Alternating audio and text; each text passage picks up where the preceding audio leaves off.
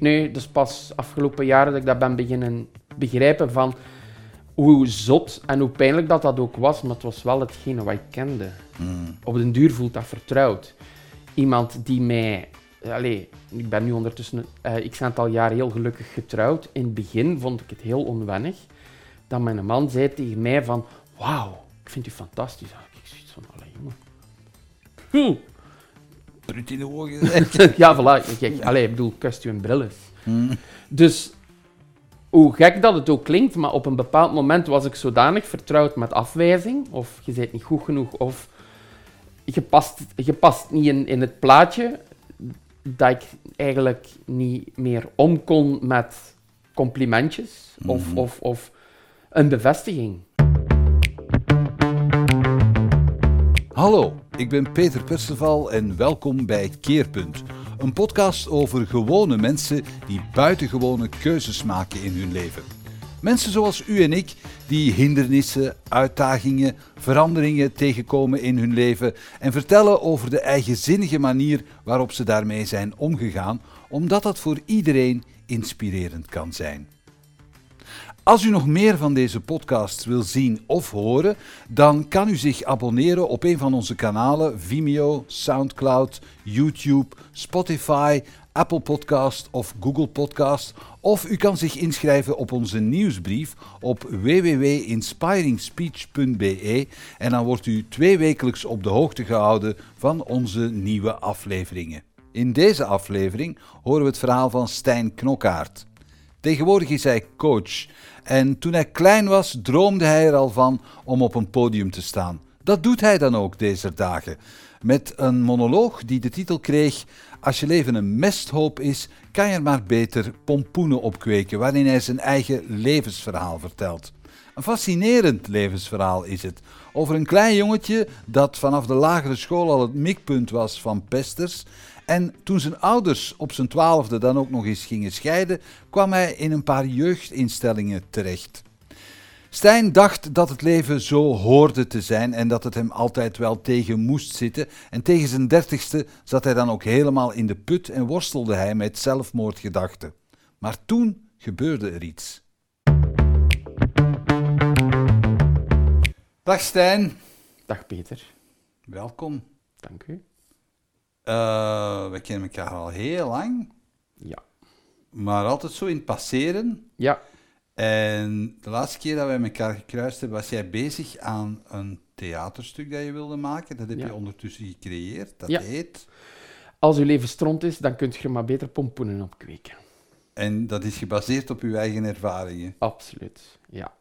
Dat is puur sans mijn leven, ja. En, die pompoenen, Dat is, wat, wat, wat zijn dat? ehm, het is gebaseerd op eigenlijk iets dat echt gebeurd is. Mijn mama heeft op een boerderij gewoond en op een bepaald moment besliste die, ik wil pompoenen kweken. En of all places besloot ze pompoenen te kweken op een plekje waar dat er paardenmest had gelegen. Oké. Dus zo'n pompoenen, wij moesten die met twee naar binnen dragen, maar die waren wel vrij lekker. Ja, En vandaar zo van, als uw leven shit is, hè, de paardenmest, Ja. kun je er maar beter pompoenen op kweken, want krijg je zo'n joekels. Eh, schoon grote pompoenen. Ja, Oké. Maar uw leven, dat is redelijk shit geweest. absoluut. We zullen eens beginnen op een momentje dat ik altijd begin in, mijn- Ja, in deze podcast. ja. Zo rond uw zestiende. Ja. Wa- wa- hoe zag uw leven er toen uit? dat was niet zo tof. Nee. Ehm, ik zat in een jeugdinstelling. Ehm, Mhm. Waar zat je? Dat was in Brugge. Eh, dat noemde toen Nieuwland. Eh, ik denk niet dat dat nu nog bestaat. Mhm. Dat was een instelling met allemaal jongens. En eh, dat waren eigenlijk jongens die... ehm, of toch, de meeste jongens mochten niet meer naar huis na een verblijf in de jeugdgevangenis. Oké. En daar kwam ik als gevoelig jongske tussen te zitten. Hoe kwam, kwam je daar dan terecht? Mm, lang verhaal kort. Eh, op mijn twaalf jaar zijn mijn ouders uiteen gegaan. Ehm, ik ben bij mijn mama gaan wonen. Mijn mama heeft een depressie gekregen, dus ik ben bij mijn papa gaan wonen. Dat is helemaal verkeerd gelopen. Ehm, de school heeft toen ingegrepen. Ik ben onder hoede van de jeugdrechtbank geplaatst. En het was zodanig slecht met mij gesteld dat ik eerst een jaar in een kinderpsychiatrie heb doorgebracht. Waar dat er eigenlijk een jaar lang is gewerkt eh, naar het terug naar mama gaan wonen, totdat het zover was. Mijn mama die had een zware depressie. ehm, en ik kon dus niet terug met mijn mama gaan wonen, met mijn papa gaan wonen, dat was geen optie. Dus ik kwam in een instelling terecht. Maar die tijd dat je in de jeugdpsychiatrie zat, dus dan Mhm. was je 13, 14, 13, 14 jaar. eh, dan eh ondertussen ging je naar school ook. In het begin ging ik niet meer naar school. En dat is stilletjes aan terug opgebouwd. Ja, dus... Maar is dat dan nog wel op dezelfde school als degene Ja. die je hadden doorverwezen, Ja, ja, eh, omdat het niet goed ging met je ja vader? dus in, in, in het eerste middelbaar was dat jaar dat ik bij mijn papa woonde. Mhm. En het tweede middelbaar heb ik dus een stuk niet gedaan. En dan kreeg ik gewoon mijn cursus opgestuurd naar eh, de, de, de psychiatrie. En dan Ja. kreeg ik daar zo'n beetje thuisonderwijs. En dan werd dat zo stelselmatig opgebouwd. Eén dag naar school, twee dagen naar school en dan fulltime naar school. Maar je, je komt nogal uit een, uit een bijzondere eh, familiesituatie. Hè? Je, Ja. je moeder en je vader waren al twee weduwnaars, heb je Ja, me verteld. Klopt. Ja, dus die hadden alle twee al een gezin. En hoe, hoe waren zij weduwe en weduwnaar geworden? Ehm, mijn papa, zijn vrouw, die is heel plots overleden. Die, Mm. die haar gezondheid was niet echt heel stabiel. En er zijn een paar dingen op heel korte tijd fout gelopen. Dus die is heel plots gestorven. En de man van mijn mama, die had kanker. Eh, alle twee heel jong. eh, ergens iets in de dertig of zo, denk ik. Dus die mensen die hadden elkaar in hun verdriet gevonden, zal Ja. ik maar zeggen. Ja, En dan creëerden ze jou. ja. En dan zijn ze moeten trouwen van de familie. Want ik was een bastardo. Wat speelt zich dat af? Eh, in een heel klein dorpje, deelgemeente van Deinze, Grammen. Hè. Oké. Ja, dus ik, ik heb mijn ouders ooit nog alle twee horen vertellen dat ze eigenlijk toen niet echt van plan waren om te trouwen, maar ze zijn ook maar een jaar na mijn geboorte getrouwd. En dat was dan eigenlijk min of meer onder druk van de familie, zo van, goh ja, er is een kindje, zouden ze dan toch niet beter trouwen? Maar ze waren nog maar pas eh weduwe en weduwnaar dan. Mm, eh, ik denk eh, een jaar of drie of Ah, zoiets. ja, oké, ja, ja. Maar in ieder geval, het stond niet goed in de gemeente. Nee, Dat nee, zoiets dat werd niet echt eh, met dank aanvaard. Ja, Dat mensen nog een seksleven hadden nadat hun partner overleden was. voilà, dat dus. Ja, Bizar. Dat, dat daar Maar kindertjes van We, kwamen. we spreken dan over de jaren 70, 80. Eh, 1978 ben ik geboren en in september 79 zijn ze getrouwd. Oké. ja. Dat, is al een, dat is al een raar begin. Dat is een raar begin, ja. Hè? Maar eh, als je dan 12, als je dan 13, 14 Mhm. bent, dan, eh, dan kom je in die jeugdinstelling terecht. Wat wilde jij eigenlijk zelf worden op dat moment? Had je zelf dromen? Ja, ehm, ik ben eigenlijk altijd als kind al zo'n een heel vrolijk bazeke geweest. Misschien alle geluk. Hm. En ik was eigenlijk altijd aan het entertainen. Dus ik had zo wel ergens een droom zo van ik wil op een podium terechtkomen. Ehm, ik had al zo'n keer meegedaan met een playback show en, en ik was al een keer eh, mee, ik had al een keer meegedaan aan de carnavalstoet en zo van die dingen. Dus ik had wel al een beetje podiumervaring. Ik vond het eigenlijk fantastisch leuk om te doen. Ik zong ook in een kerkkoor. eh, ja, ik stond graag in de belangstelling. Ik vond dat gewoon heel tof. Maar dat was in die situatie uitgesloten, dat je daar iets mee kon doen. Daar in die instelling absoluut. Mhm. Eh, en eh, zeker, Wisten die andere kinderen dat je, dat je graag zong? Dat je... nee. Nee? Nee, en ik durfde daar ook niet voor uit te komen. Allee, ik bedoel, die zagen nog maar mijn kop. Mm. het zat al scheef soms. Allee. Was je klein? Was je, was je fysiek... eh, Nee, ik was niet echt klein. Ik, allee, er was, denk ik, aan mezelf niet echt iets, iets te zeggen fysiek dat anders was. Maar ik was, ik denk, ja, gevoelig. hm. Ehm, zacht. Ik was bezig met, met muziek. Eh, ik zag overal de, de schone dingen in. Eh, een gevoelig bazeke. Nu zouden ze mij hoogsensitief noemen, als, allee, toen als kind. Maar dat was toen Mm. nog geen titel voor. Maar goed, los daarvan. Ik was absoluut niet stoer, ik zal het zo zeggen. Je bent gay, Ja, hè? Dat, Mhm. dat, is, eh, dat, dat is iets waar je eh, rond vooruit komt ook. Ja. Er is een, eh, was dat toen al duidelijk? Ehm, ik weet nog, de eerste week dat ik in die instelling zat, zei een van de opvoedsters, ja, ik heb een neef die homo is en volgens mij zijt jij dat ook.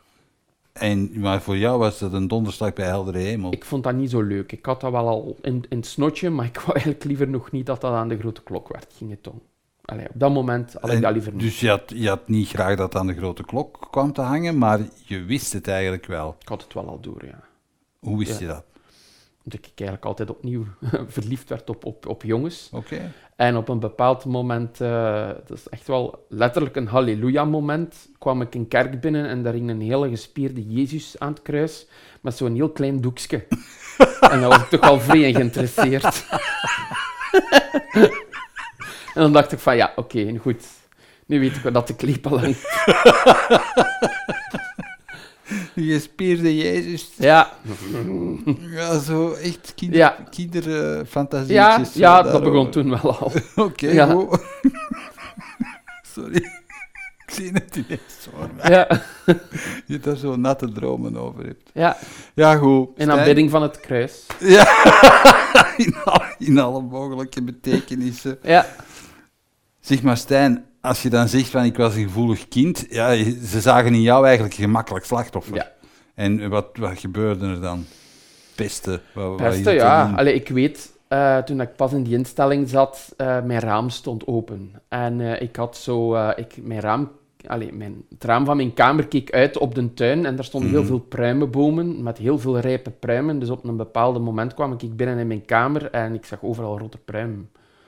Dus die hadden gewoon al die pruimen die rot waren, die hadden die gewoon allemaal door het raam allee, mijn kamer ingegooid. Dus op mijn boeken, op mijn cd's, op mijn bed tegen de muur, op mijn posters, overal rotte pruimen. Hmm. Sommige van die jongens die ontsnapten ook s'nachts. En ik zat zo in het hoekje. En in het hoekje had je zo een regenpijp. Dus dan klommen die van raam tot raam. En dan langs de regenpijp naar beneden. Maar als die dan s'nachts terugkwamen, dan klommen die via die regenpijp terug naar boven. En dan was het van... En blijven kloppen totdat ik dan toch mijn raam open deed. Totdat ik op een bepaald moment de opvoeders dat door hadden. En eh, dan kreeg ik onder mijn voeten van de opvoeders omdat ik zat binnengelaten. Maar als ik het raam niet had opengedaan, dan van hen. Oké, Dus het was kiezen. dus je, het was kiezen voor welke pijn dat je ging Ja. en welke pijn prefereerde je? Eh, een mengeling van de twee. Eh, het is op een bepaald moment wel gestopt, maar ik heb het toch wel een paar keer voor gehad. Ja, Hoe is het gestopt? Is er, is er ingegrepen? Heb jij zelf ja iets de, gedaan? de opvoeders hebben op een bepaald moment wel in, ingegrepen. Oké. Ja. Ze hebben mij eerst echt wel verboden om dat nog te doen. Ehm, en eh, ja, op een bepaald moment heb ik ook gewoon mijn been stijf gehouden en gewoon mijn raam niet meer open gedaan. En ik meen me te herinneren dat ik dan gewoon een keer eh, aan de kamerdeur van een opvoeder die s'nachts bleef slapen, ben gaan aankloppen, want ze staan weer aan mijn raam. Ga jij het oplossen? Want ik ga het niet meer doen. Ja, En ik denk dat toen wel gestopt is. oké. Stijn, hoe ben je daar uiteindelijk uitgeraakt? Ehm, ik ben uiteindelijk eh, zelfstandig begeleid gaan wonen. Dik tegen mijn goesting. Oké. Ja. Ehm, dus op een bepaald moment zijn ehm, mijn ouders met een nieuwe partner, eh, de verantwoordelijke van de jeugdrechtbank, de psychologen van de instelling, de gezinsbegeleidster, mijn persoonlijke opvoeder zijn die allemaal samengeroepen aan tafel omdat er blijkbaar een vergadering was geweest in het team rond mij eh, en dat ze het eigenlijk niet meer zo'n goed idee vonden dat ik daar nog langer bleef. En wat, was, wat gaven ze als reden op? Was je daarbij ook? Bij die Ik was er zelf ook bij, ja. Bij die vergadering, dus niet bij de vergadering met het team, maar dan bij de vergadering waar dan mijn ouders bij waren, daar was ik zelf ook bij, ja. Hmm. Ehm, zij vonden dat het eigenlijk beter was voor mijn, voor mijn opvoeding en voor mij als, als persoon om verder op te groeien in een, in een warme thuissituatie. Hmm. Eh, ja, ik voelde mij daar ook absoluut niet gelukkig. Ja. Allee, ik was eigenlijk absoluut niet blij. En ehm, dat was de eerste keer dat ik eh, met absolute afwijzing te maken kreeg, want mijn beide ouders zeiden nee. Ah, die wilden nu gewoon niet meer thuis opvangen. Nee, Je paste niet meer in het plaatje. ik paste niet meer in het plaatje. Dus dat was, Hoe oud was je dan? 17? ja, 16, 17 jaar. Ja, Wat deed dat mee toen? dat was... Ga, krak. Maar Toch. dan, dan zeiden ze van, oké, we gaan jou begeleid zelfstandig laten Ja. wonen. Dat is een oplossing. Nu, het, het, het was de enige oplossing. Allee, ik bedoel, daar blijven wonen was ook geen optie. Ehm, naar huis gaan, absoluut ook niet, terwijl ik dat eigenlijk heel graag wilde. Ik wilde eigenlijk gewoon niet liever dan een gezinssituatie. Ik heb echt zelfs nog, denk ik, gevraagd van, ja, maar kunt je mij dan niet in een pleeggezin of zo zetten? Maar dat bleek dan ook geen optie te zijn of zo. Maar ik wilde echt gewoon heel graag een warme thuissituatie en die kreeg ik niet. Dus het enige wat er dan op zat was begeleid zelfstandig gaan wonen. Waar ik voor alle duidelijkheid ook absoluut niet klaar voor was. Hmm. Helemaal niet. En waar kwam je terecht als... eh, Ja, in, in ook een, een, een, een situatie, een, een, een, een initiatief dat ook bij die instelling hoorde. Ehm, waarbij dat ik dan zo eh, mijn eigen kamer had. hmm. Ehm, en eh, dan een gedeelde badkamer, gedeelde keuken, zo dat eigenlijk. Ehm, en ik had dat wel heel gezellig ingericht, dus ik had daar dan wel mijn plekje en zo. En ik werd ook wel begeleid. Alleen, als ik daar nu op terugkijk, was ik zodanig het noorden kwijt. Zo van, ja, het leven zit hier meer tegen dan dat mee zit. Wat moet ik nu nog? Hmm. Dus ehm, dat ik het eigenlijk gewoon totaal niet meer wist. Ik was op dat moment eigenlijk gewoon een zwalpend schip. En mijn, mijn, mijn omgeving zei wel tegen mij van, je moet goed studeren en, en, en je moet dit en je moet dat. Maar En wat studeerde je dan? ik deed moment? toen bejaardenverzorging. Ja, Maar je had daarvoor, je hebt mij iets verteld dat je op de showbiz-school gezeten dat was daarna. Ah, ja. Dus ik heb mijn vijfde middelbaar afgemaakt in Mhm. bejaardenverzorging, kinderverzorging. En ik ben nog mijn zesde middelbaar gestart op een andere school, want dat is nog zo'n hallucinant verhaal. Ik werd ook gepest eh, op school. Hmm. En niet nog zo'n klein beetje. En ze konden het pestprobleem niet meer aan, dus hadden ze besloten in die school om mij weg te, te, te laten gaan. Ja. Dus ze konden de, de klasgroep, de pestgroep niet aan, dus hadden ze dan maar beslist om mij weg te nemen. Jij was het probleem. Eh, Ja, allee, ik was... Maar dat, je, dat frappeert mij nu dat je dat op die manier vertelt, omdat dat uiteindelijk bij uw ouders w- werd dat eigenlijk ook zo Mhm. gezegd. Hè? Ze zegden het niet, maar eh, eigenlijk werd het wel ik had het zo, gevoel wel, ja. zo gedaan van, jij bent het probleem. Ja, Hè? En, en daarom moeten we je evacueren. ja of, of ja, hoe dat, hoe dat je het ook wilt benoemen, ja. Amai. Ja, maar dus dan, dan ben je naar de showbiz-school gegaan. Ja, dus ergens op een bepaald moment had ik dan toch nog zoiets van... Ik heb altijd een bucketlist in mijn hoofd gehad. Ik weet niet wanneer dat, dat is ontstaan, maar dat heeft altijd in mijn hoofd gezeten van... Allemaal dingetjes, kleintjes, grootjes, eh, dingen die ik in mijn leven wilde doen en die ik wilde afvinken. En dat is Mhm. misschien wel mijn redding geweest. Een van die dingen was, op een bepaald moment heb ik waarschijnlijk ergens van de Showbiz School gehoord, ik wil dat ook doen. Mhm. Dus eh, ik ben uiteindelijk in Oostende gaan wonen, met één reden. Ik wil naar de showbizschool.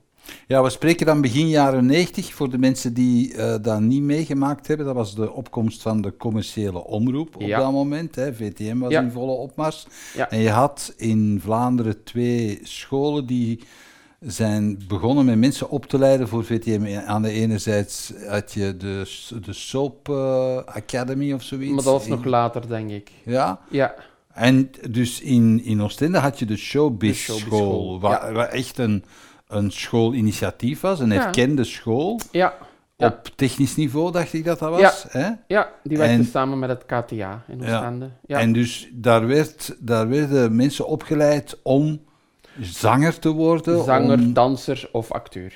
Oké. Ja. Ja, Met wie zat jij daar zoal in de klas? ik zat in de klas met... Ik weet dat bijvoorbeeld eh, Christophe daar nog rondgelopen heeft, Gunther Levy, Ja, die, die eigenlijk. ja. Ehm, en zo nog wel wat mensen die het dan verder geschopt hebben. Ja. Die, die echt wel... eh, ja, die ook wel... Allee, bijvoorbeeld, ik weet zijn naam niet meer, iemand die nu entertainer is in, in Spanje. Eh, in, in een hotel en die daar echt wel de, de show steelt voor eh, iedereen die, eh, die daar op vakantie komt. Ja, ja, en die gast doet dat blijkbaar heel goed. Bjorn, geloof ik, noemt hem. Ja. oké. Dus ja, ja wie zat daar nog? Ehm, ja, Nee, ik weet zijn naam niet meer. Nee, Maakt niet uit. het is weg. Je bent zelf niet gebleven ook in Nee. de showbiz-school. Nee. Want dat mocht niet. Eh, ja, toen, toen kwamen mijn ouders wel op de proppen. Ja, Maar ze hadden dus eigenlijk sinds je twaalfde niks meer van u aangetrokken. ja, min of meer wel, ja. En dan, en dan kwamen ze ineens zeggen van ja, maar Nu- de showbiz-school, dat is geen goed beroep. Ik ging om de 14 dagen nog wel een weekend naar huis. Ja? Eh, ofwel naar mijn mama, ofwel naar mijn papa. Dus in die instellingsperiode. En dan waren ze er wel voor mij. Mhm.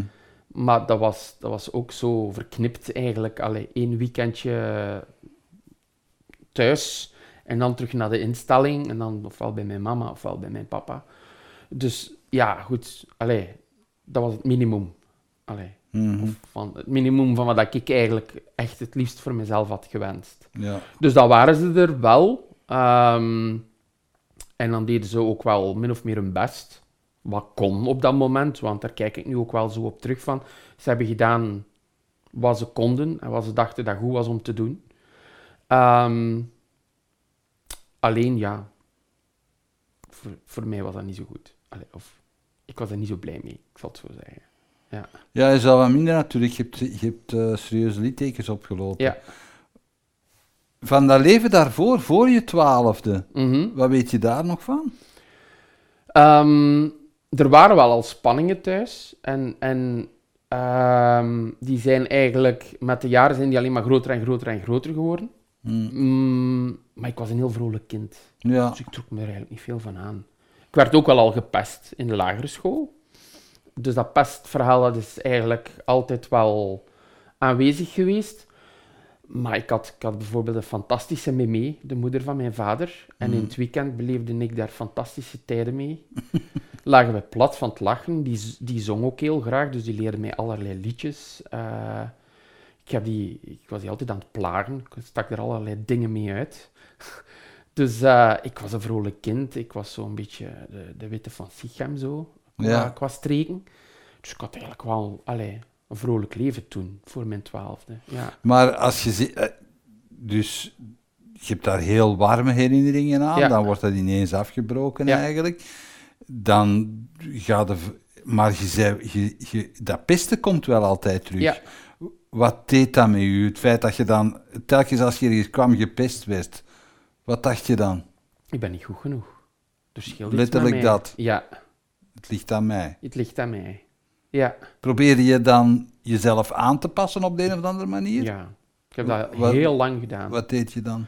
Ehm, een van de eerste dingen, denk ik, dat ik gedaan heb, is dat ik heel stil ben geworden. Mhm. Ehm, dat ik zo... Ik probeer altijd onzichtbaar te zijn. Ehm, als ik mij ergens goed voelde, dan werd ik dat wel gecompenseerd door heel luid te zijn. dus, maar in situaties waar dat het niet veilig voelde, dan was dat zo van... Waar staat dat knopje hier uit? Allee, Ja. zo om, om de puut. En dan pff, hoopte ik gewoon dat ik, dat ik in het stof eh, en er ook eh, op ging. Ja. Ja. En, en eigenlijk gewoon heel, heel voorzichtig te worden. En gewoon de kat uit de boom. En, en zo van, ja, oké, goed, we moeten hier gewoon zien wat er gebeurt. Want ik, dat kan hier elk moment gewoon helemaal omdraaien en zich tegen mij keren. En dan word ik weer afgewezen. Zoiets. Voelde je dat op voorhand? Wanneer het zich tegen jou zou keren? Ja en nee. Hmm. Ehm, ik denk dat op den duur zijn daar ook niet meer objectief in. En heb je gewoon altijd wel ergens schrik in je lijf dat het zou gaan gebeuren.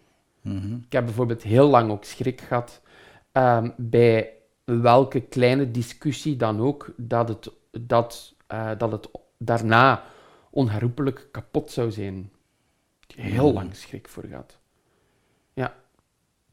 Dat op een bepaald moment, en dat was wel een heel mooi moment voor mij, dat er, er werd iets uitgepraat eh, en, en, en dat die vrouw zei tegen mij van, maar Stijn, er is iets kapot, hè.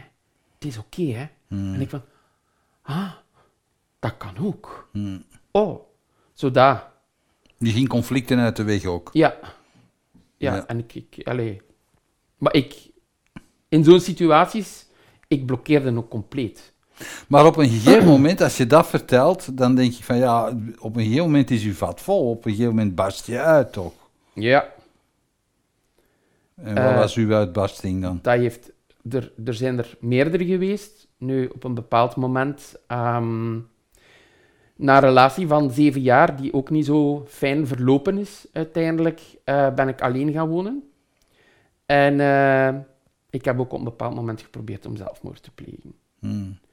Ehm, ik ben er nu een boek over aan het schrijven, een roman. En eh, dat stuk is echt wel heel autobiografisch. Dat zo al de, de afwijzing van alle jaren, dat blijkbaar zo, naar mijn gevoel, allemaal in één keer voor mijn deur stond. Al die pijn, al dat rouwen dat daarbij komt kijken van iedere keer van nee, je bent niet goed genoeg, ja, we pesten nu. Of... Maar had ook een partner die u daarin bevestigde eigenlijk. Ja. Dat is toch wel heel... Wat, ja, nee. Nu, Dat is toch wel een mindfuck eigenlijk, als ik dat Ja. hoor.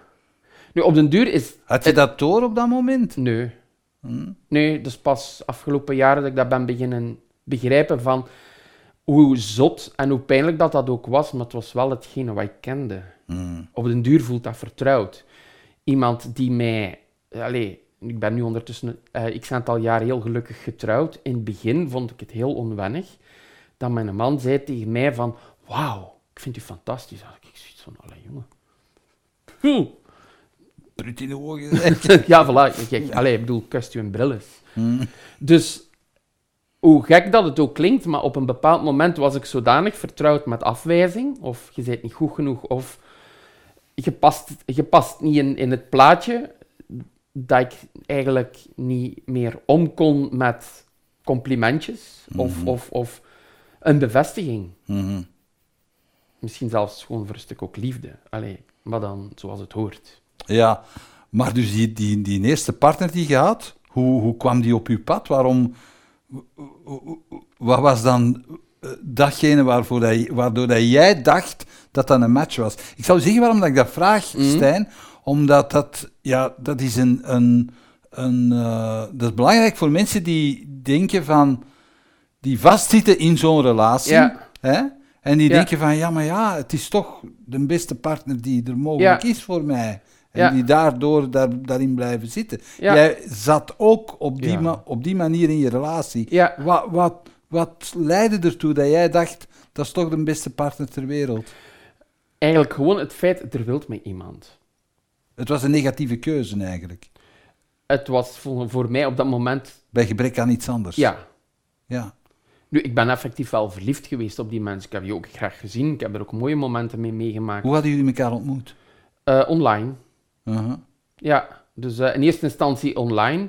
eh, beginnen chatten en dan een, keer af, een paar keer afgesproken. En dat klikte wel. Eh, we hadden, wij deelden hetzelfde gevoel voor humor, dus daar hadden we echt wel een enorme klik. Wat was dat voor humor? Ehm vette humor. Allee, zo... Beetje cassant ook? ja, ja, Allee, zo ken ik u. Ja, ja, ja, ja. Ja, zo, echt zo. Beetje cassante humor. Ja, Ja. ja dat, dat, dat, dat, had hij ook. Ja. Ja. En dan zo, ja, Maar het- zo het- dingen eruit vloepen. Zo. Het verschil Allee. is dat die cassante humor, die richt zich bij u naar uzelf. Ja, ook, hè. En bij uw partner ook vooral naar u dan. Naar mij ook, ja. Ja. Ja, Ik, dat, is- dat is het soort dingen waarvan dat ik zeg van, dat is belangrijk om te vermelden, Mhm. want dat zijn wat ze noemen red flags. Dat zijn Ja. echt dingen dat je zegt van, oh, ja, hier is iets Absoluut. meer aan. ja. En het, het zotte was dat mijn omgeving mij dat ook wel spiegelde. Zo van, Stijn, kom jong, allee, dit is niet oké. Ga daarbij weg. Maar ik had zoiets van, ja, maar ja, allee, ik bedoel, er is nu ene die mij wilt. Waar ga ik terechtkomen als ik Had je nu- daarvoor dan veel, veel afwijzingen gehad in de liefde? Ja, Ja? ja, Je, je was er wel heel actief naar op zoek dan? ja. Ik, Ja. ik herinner mij een verhaal dat je iets hebt verteld, wat ik tot de dag van vandaag weer moet lachen. Ja, Dat je eigenlijk, je familie wist totaal niet, of had, sprak er ook niet over dat jij gay was, Uh-huh. hoewel het redelijk duidelijk was. ja, Hè? Maar op een gegeven moment ging jij op fanreis met Get Ready. ja, ja. En dat kwam, beelden van. dat kwam op tv. Dat is mijn doopmeter. En toen Ja. zei jouw meter... Ah, ik, eh, zie, ik zie het eigenlijk. Wel, het kwam er eigenlijk op neer. Het is eigenlijk al een heel tof verhaal. Dus Ja. aan mijn doopmeter had ik nog niks verteld. Ja. Dat, ik, dat ik homo was, maar ik had wel zo'n allereerste fling zo. Ja. Zo een vriendje, hè. Zo een allereerste ervaring. En die had via de Joepie een fanreis gewonnen naar eh, Euro Disney.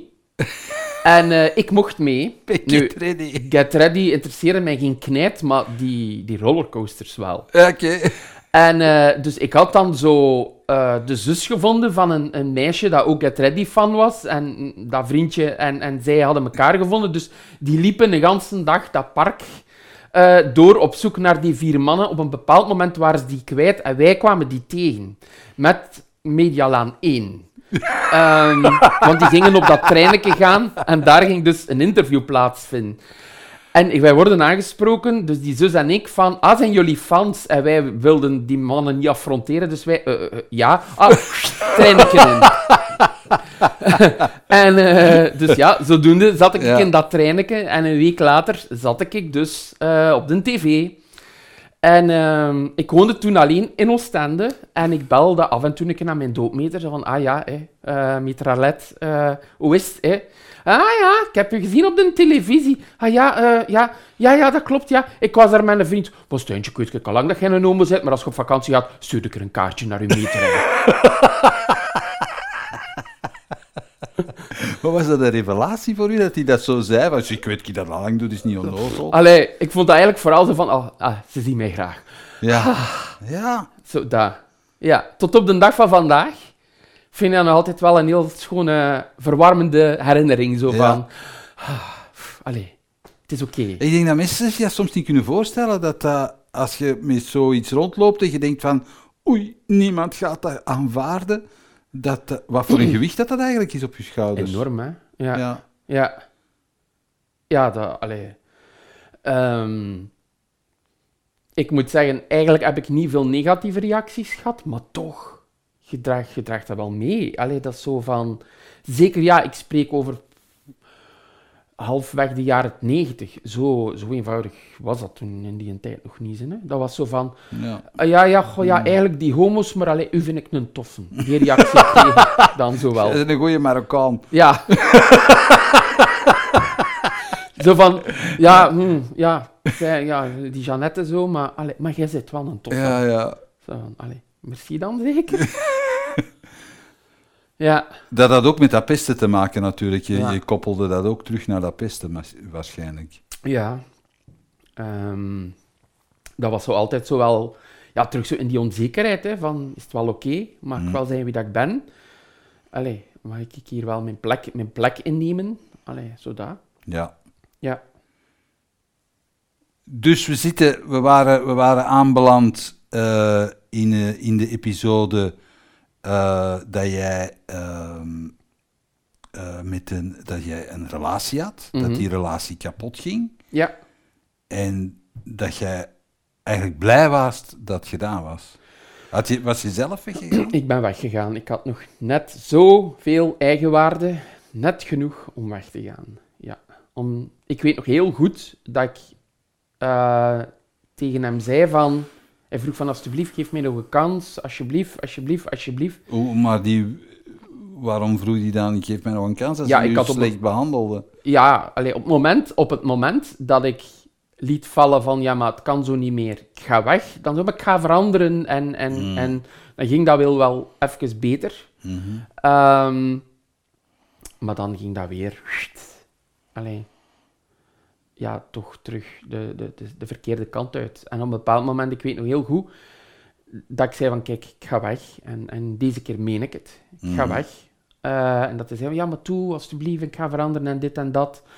En dat ik zei van, ik denk wel dat ik er mijzelf toe kan brengen om je nog een kans te geven.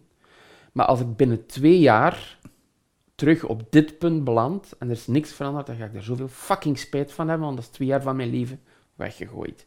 Dus nee, ik ga. Oké. Ja. En eh, waar ben je naartoe gegaan? Ik ben Want je eerst... woonde samen ook. Ja. ja. Ja, en dat was zijn huis. Ehm, ja, ik, ik, allee, eh, ik zat toen ook in schuldbemiddeling. Dus veel financiële middelen had ik niet. Hoe kwam was- dat? Dat komt eigenlijk door de periode dat ik eh, zo vroeg alleen gaan wonen ben. Ik had totaal geen benul van geld en hoe dat je daarmee moest omgaan. Ik had altijd aan het eh, einde van mijn loon nog een beetje maand over. Ja. Als je snapt wat ik bedoel. Ja. En, en, en dat liep compleet scheef. Dat, allee. Dat had ook niet geleerd in begeleid wonen waarschijnlijk. Ik, ik had daar wel, die hadden mij wel dingen aangereikt Hmm. van hoe dat ik dat moest, maar ik wilde om te beginnen al niet alleen gaan wonen, hè, Peter, godverdomme. Ik wilde dat gezin, hè. Hmm. Ik was er, allee, ik Waren wou er andere warmte. manieren waarop dat je daartegen hebt gerebelleerd? Ja, op allerlei manieren. Ik heb, ik heb, eigenlijk heb ik er een hele tijd in mijn leven gewoon echt mijn voet aangevaagd. Oké. Ja, echt gewoon een fuck you world. Ehm, ik heb er geen goesting niet meer in. Ja. Ja. Wat, wat deed je met die agressie dan? oppotten. Eh, eigenlijk deed ik daar op die manier niks mee. Ik denk dat dat zich eigenlijk ehm, vooral tegen mezelf keerde. Hm. Eh, ik ben eigenlijk in die periode ook heel hard beginnen worden voor mezelf. Maar echt zo op hoe, het... Op het hoe uitte die dat? Ehm, ja, gewoon in, in de, de, dingen, de dingen die ik zei over mezelf, de dingen die ik dacht over mezelf. Kan je zo'n voorbeeld geven?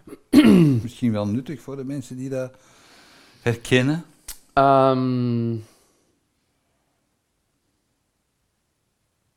om te beginnen plaatste ik mijzelf altijd gewoon op, op, een, op een minderwaardige plaats. Dus ook in, in ja maar ja, eh, eh, ja, maar ja, moet je dat niet doen voor mij, want eigenlijk pff, ben ik je dat gewoon niet waard. Om dat, dat te doen. Of, ik weet nog heel goed, op een bepaald moment, iets heel stom hè. Ehm, ik kreeg van iemand een lift aangeboden. En die mens bedoelde dat heel goed. En ik zei tegen die mens, van, waarom zou jij mij een lift aanbieden? Allee, jong. Waarom zou jij dat doen? Voor mij.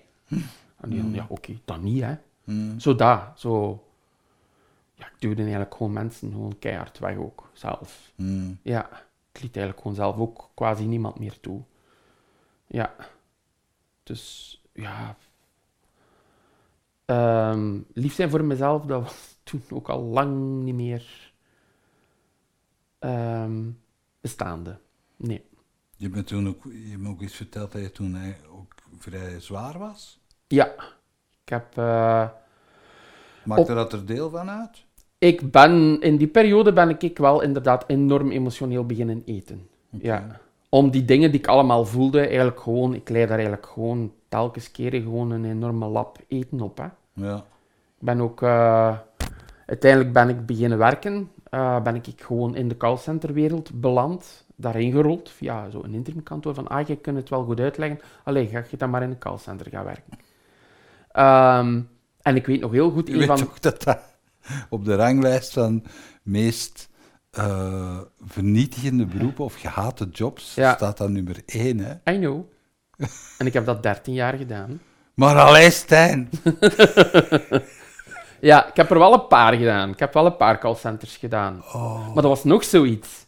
Ik stond er zelf gewoon niet meer bij stil dat ik een andere keuze had. Hm.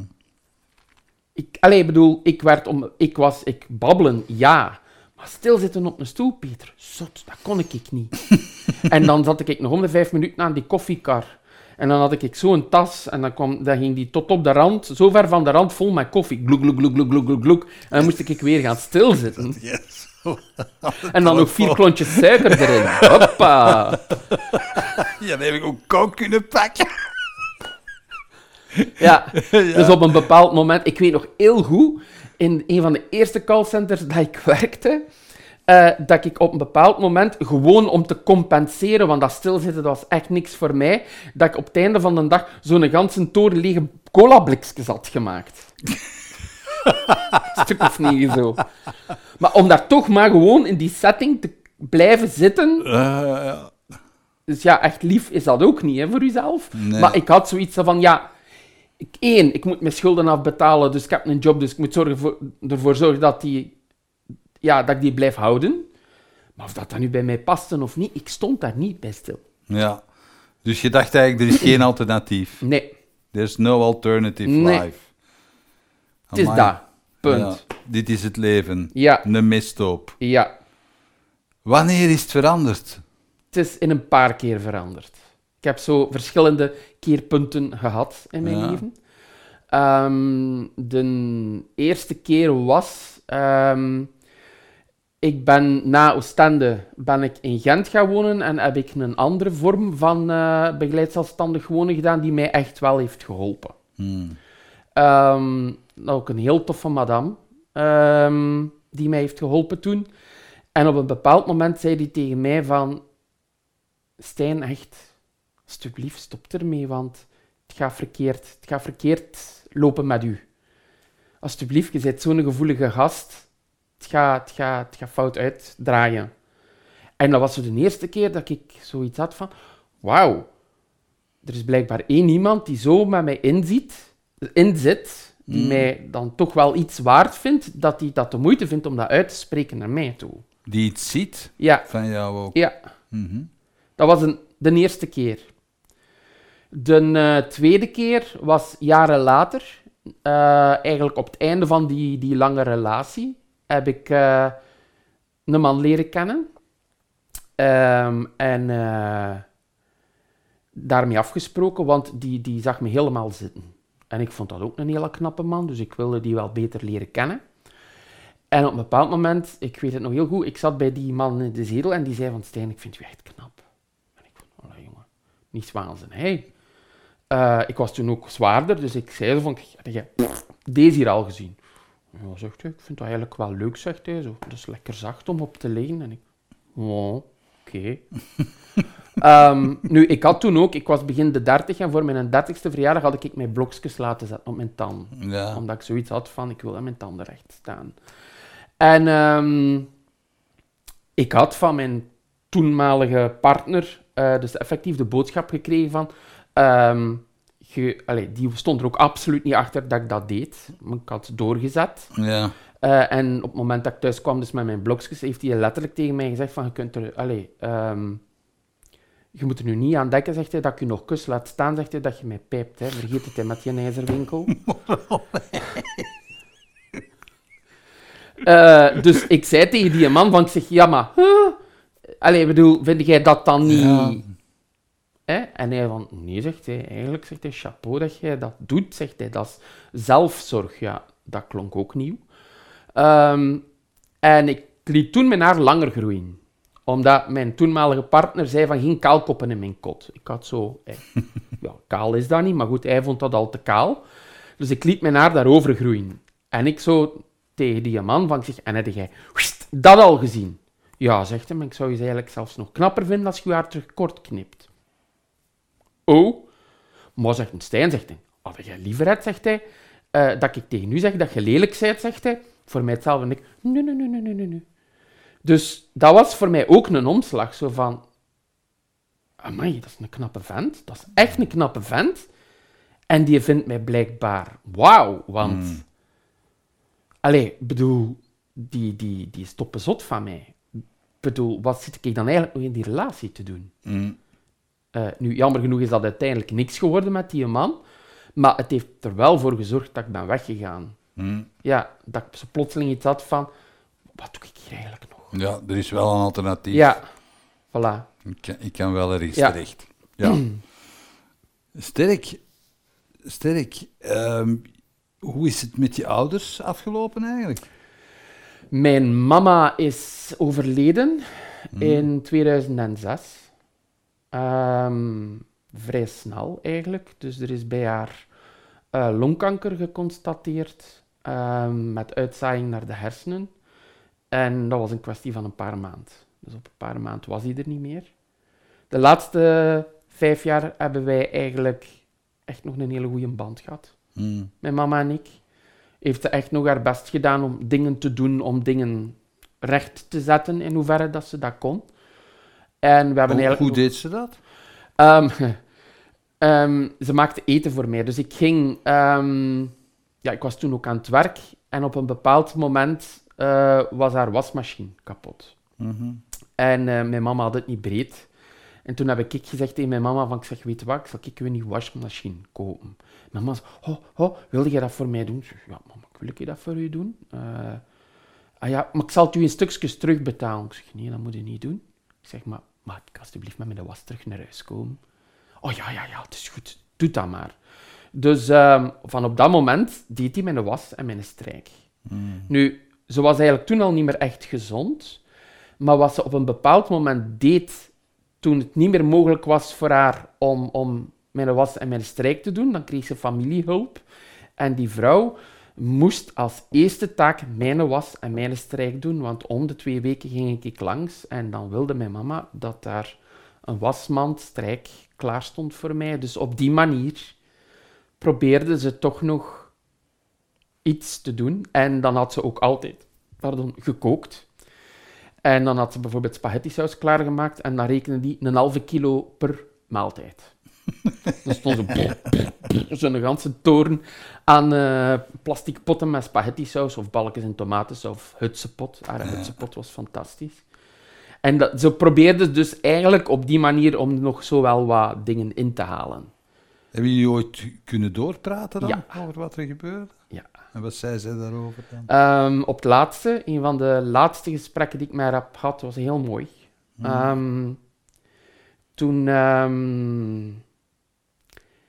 zei ze op een bepaald moment van... eh, kijk, zegt ze, ehm, ik ben nooit mama geweest die ik eigenlijk had willen zijn. Ehm, er zijn dingen anders gelopen waar ik spijt van heb. Sorry. Ehm, ze heeft die dingen ook benoemd. Instelling. eh, Er zijn ook andere dingen gebeurd. Zegt, het spijt mij. Maar als ze zegt, ik heb nooit de mama kunnen zijn die ik wilde zijn, Ja, zeiden ze dat dan ook, wat ze wilde zijn? Ehm, ja, ze heeft, toen, ze heeft toen wel gezegd van ze, had, ze had beter voor mij willen zorgen. Ze had aanweziger willen zijn toen dat, dat echt nodig was voor Mm. mij. Ehm, ze heeft ook echt benoemd eh, ja, dat, ze, dat ze op bepaalde momenten de verkeerde keuzes heeft gemaakt. Mm. En ze zei er ook bij dat haar dat eigenlijk nu heel veel pijn deed en daar dat eigenlijk altijd was blijven achtervolgen. Ehm, en dat is een gesprek geweest met veel traantjes. Zo wel. Ja, met heel veel traantjes. Maar ik heb haar wel kunnen vergeven. Ja. Dus, ehm, En met je vader? eh, met mijn papa heb ik... eh, het is altijd... De relatie met mijn papa is altijd heel moeilijk geweest. Mm. Ehm, en uiteindelijk zien wij elkaar niet meer. Ehm, maar dat is oké. Althans, voor mij is dat niet oké. Ik ben die heel dankbaar eh, voor de dingen die hij wel heeft gedaan. Ik heb hem dat op een bepaald moment ook gezegd. Als wij getrouwd zijn, hadden wij zo'n alternatieve ceremonie. En op het einde van de ceremonie hebben wij nog een dankwoord gedaan. En dan heb ik hem echt wel als eerste persoon bedankt. Hoe lang is dat geleden? Wij zijn getrouwd op 30 december 2016. Oké. Ja, dus dan heb ik hem echt wel bedankt voor de dingen die hij wel heeft gedaan, want die mens heeft echt wel slag om slinger gewerkt om, om, om ons echt wel het beste van het beste te geven. Eh allee, altijd eh, verse voeding. Eh, Mhm. Onze kleren kwamen niet van de CNA, die kwamen uit boutiques. Mm. Dus dat was echt altijd eh, dik in orde. Dat heb ik ook altijd blijven zien. Nu, ik denk dat ik hem heel hard spiegel. Want heel veel van de dingen die ik doe, heeft hij nooit gedaan. Mm. Waardoor dat ik eigenlijk altijd wel heel hard een confrontatie geweest ben voor hem. Mm. Ehm, ik heb het hem ook niet altijd makkelijk gemaakt. Maar het punt is dat hij mij dat elke keer opnieuw bleef doorsteken. Ah ja. Elke keer opnieuw. En dat, en dat, en dat, en dat. En altijd maar stront over mijn kop. Totdat ik gezegd heb van papa, ik zie u graag, maar de dag is nu wel gekomen dat ik mezelf iets liever zie. En je moet ermee stoppen. En als je niet stopt, dan ga ik gewoon afstand nemen. En dat heb ik- dat is een proces geweest van jaren. Totdat ik op een bepaald moment gezegd heb van nee, nu is het genoeg. Dit is genoeg geweest. En hij doet geen poging om dat te restaureren of Nee. om daar... eh, Nee. mhm. Nee. En ja, ik heb rust nu. Mhm. Wat doe jij nu in het leven? Ik, ehm, ik geef bloemenworkshops. Dus ik ehm, heb zo mijn vaste adressen waarbij ik een intuïtief bloemschikken doe eh, met een groep dames. En waar dat ik heel graag gezien word. Dus dat is heel plezant. Ja. Eh, maar we werken rond thema's. Ehm, ik, eh, ik heb mijn eigen theatershow gemaakt. met als titel Als uw leven stront is, dan kunt je maar beter pompoenen opkweken. Autobiografisch. Ehm, waarbij dat ik eigenlijk mijn verhaal vertel en waarbij dat ik ook vertel van kijk, ik heb dat en dat en dat en dat gedaan om er beter van te worden ja. om eruit te leren. En allee, dan sluit ik ook af gewoon met ehm, die een bucketlist eh, die ik altijd ben blijven in mijn achterhoofd houden. Eh, dat, ik, waar dat ik altijd, ondanks de miserie, ben blijven op afvinken. Dus dat geef ik ook mee aan de mensen die komen kijken, dat dat heel belangrijk is.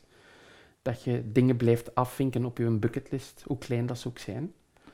En ehm, ik ben ook gestart onlangs met een concept. Het leuke is, ik denk doordat ik zoveel ben afgewezen, dat ik nu al overal schoonheid in zie. Mhm. Ik zie overal het goud in. En ehm, ik ben nu gestart met een concept waarbij ik, dat ik mensen eh, een ganse dag mee op pad neem. Ik heb ook een coachopleiding gevolgd ondertussen. Ik heb ook andere opleidingen gevolgd. Dus ik haal... En op pad, wat wil je daarmee zeggen? Ik ga met hen naar een locatie Ja. eh, waar het mooi is, iets in de natuur. Dan Mhm. kunnen ze zelf kiezen, ofwel kiezen we dat in samenspraak. Ik coach hen die dag, dat is dus één dag. Eh, ik gebruik visualisaties. Eh, 's morgens duik ik ook in een kleerkast en kies ik een paar outfits waar dat ze schoon mee staan. En dan gaan wij gewoon echt een dag op reis. En ondertussen neem ik foto's. Dus op het einde van de dag eh, hebben die een fantastische dag beleefd. Eh, heb ik die zo wat tools bijgebracht om beter zelfbeeld te krijgen. En dan krijgen ze als cadeau de foto's. Wie heeft jou geholpen eigenlijk? Eigenlijk best wel veel mensen. Ook de mensen die mij pijn hebben gedaan, uiteindelijk. Ja? Ja. Ja, maar dat klinkt nu zo... Dat klinkt mushy-mushy, hè, Ja, maar... dat klinkt zo'n beetje boeddhistisch. Nee, ja, maar het is wel zo. het, eh.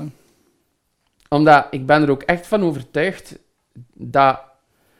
Ja, je kunt ook op geen enkele andere manier kunt je pompoenen kweken dan op je shit. Mhm. En ehm, ik heb overal iets uit geleerd. Mijn grootmoeder, een fantastisch mens, met me mee, ehm, die zei altijd op zijn West-Vlaams, het is nooit zo slecht dat voor niet, niet goed is, jongen. En ik ben dat altijd blijven onthouden. Ik heb zo meer van die one-liners, eh, dingen die ze zei. Eh, maar de dien is mij altijd bijgebleven van, het is nooit zo slecht dat nergens voor deugt. Dus ik ben er altijd... ehm, ben altijd blijven kijken van, oké, maar goed, hoe kan ik het beter doen? Of hoe kan het anders? Mhm. Ja.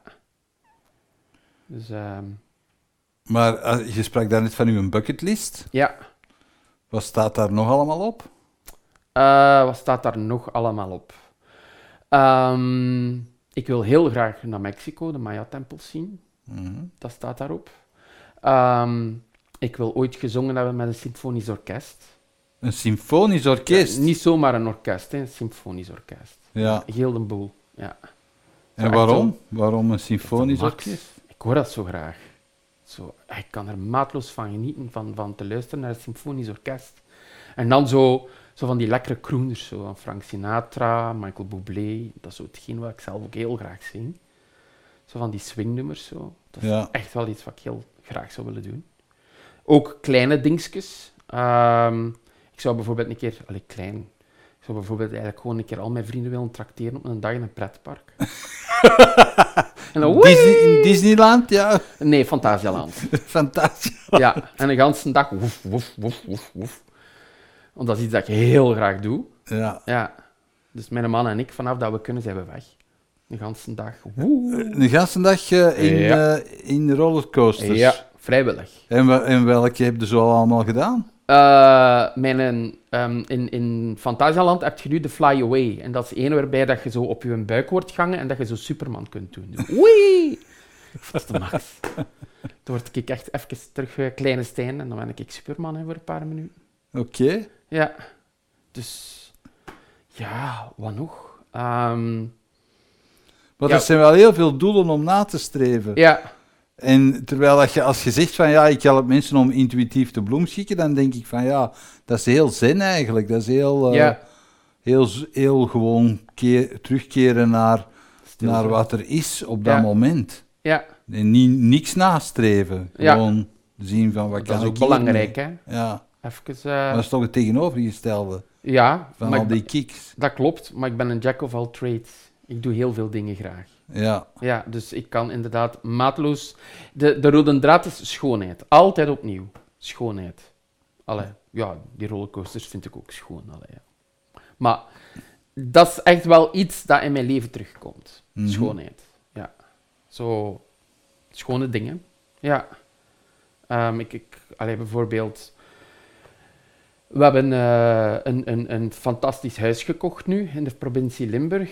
Ehm, het eerste dat wij gedaan hebben is de living herschilderd. En ik had zo'n bepaald iets voor ogen en et voilà. Het is dat geworden. Dus eh, dat maakt me content. Ja. en ben je al verhuisd? We zijn onder- het gaat bijna een jaar geleden zijn dat wij daar gaan wonen zijn. Ja. Oké. ja, De relatie met je partner, hoe is die nu? helemaal anders. Heel liefdevol. Er wordt gepraat. Eh, we kunnen over alles praten. Dus eh, ja, gewoon heel fijn. Ja. Maar hoe heb je dat gevonden, dat, dat, dat, die manier van leven? Want als je dat niet gewoon bent, tot je dertig dan, Mhm. hè, dan is dat toch een hele grote verandering. Hoe, hoe, hoe, ben, je daar, hoe ben je daaraan gewend geworden? gaandeweg, met vallen en opstaan, trial and error. Ehm, ik weet in het begin, Want dat is toch een soort afkick dan? ja, absoluut, in het begin zeker. Ja, Speelde jij ook een, een, beetje een spel van aantrekken en afstoten dan met je partner? dat is wel gebeurd, ja. Maar die ging daar niet, in, niet op in. Oké, die bleef gewoon sterk eh, staan en zeggen van... Ja, zo van, in het begin, ik weet nog helemaal in het begin dat hij op een bepaald moment zei van, ja, maar ben je bang van mij? hmm, Ik zeg, ja, eigenlijk wel. Maar waarom? Totdat ik dan op een bepaald moment ook door had van, ja, eigenlijk, waarom? En dan een volgend punt in onze relatie was ehm, dat hij ja, op een bepaalde manier naar mij kon kijken. En in het begin had ik zoiets van... Staat hier een knappe gast achter mij of zo? Want ja, die kan echt naar mij kijken van... Hmm, baby. Zo van... Ik, hè? Ja, ja, jij. Van, oeh. En dan heb ik wel... ehm, dan dacht ik van, godverdomme, zo wil ik wel naar mijn eigen leren kijken. Dus daar heb ik nu de, de laatste paar jaar wel keihard aan gewerkt. Ik ben om en bij de 30 kilo afgevallen. Ik ben beginnen sporten, op mijn eten beginnen letten, eh, voor mezelf beginnen zorgen. Wat heeft dat met jou gedaan? Dat heeft heel veel veranderd. Ten Ja? goeie, ja. Ehm, ik heb nu ook eigenlijk echt wel een vriendenkring van mensen die mij bijna smeken van alsjeblieft Stijn, zij Stijn. Mhm, Ehm, van, zij alsjeblieft uzelf. mhm. Zij alsjeblieft gelijk hoe dat je zei, want we vinden u zo tof op die manier. Dus, dus soms heb ik nog altijd zoiets van... mm. Maar dat is wel plezant. Dus na jaren denk je van, er is geen alternatief. Heb Nee. jij het alternatief gevonden? Ja, En daar vertel je over in... in mijn, in mijn show. Ja, Ehm, en, en ik wil eigenlijk ook op die manier mensen ook met mijn concept ook gewoon dat gevoel geven ehm, als ik ze meeneem een dag op reis. Ja. Ik wil dat echt gewoon, ik wil dat, dat laten voelen, maar in hun lijf ook. er is een alternatief. Er is een alternatief. Ja, Oké. Ja. Ik wens je daar heel veel succes mee. dank u wel. Kunnen we nog eh, komen kijken naar, je, naar de misthoop in de pompoen? Absoluut. Ja, er worden eh, binnenkort eh, datums vrijgegeven. Ik ben in onderhandeling voor een paar zaaltjes. Oké. Dus ja, absoluut. Allen welkom daar. En verkoopt ook pompoenen dan? Nee. Pompoensoep. Ja, echt? Ja, ja, ja, ja. Moet pompoensoep zijn, hè. Ah ja, kom aan. Oh, dat is goed. Allen daarheen. Bedankt, Stijn. Voilà, alsjeblieft. Bedankt dat je keek naar deze aflevering van Keerpunt. Wil je op de hoogte blijven van nieuwe afleveringen en nieuwe interessante gasten? Abonneer je dan op onze nieuwsbrief via www.inspiringspeech.be. Iedere twee weken brengen wij een nieuwe aflevering online op inspiringspeech.be, YouTube, Vimeo en Soundcloud. Tot ziens.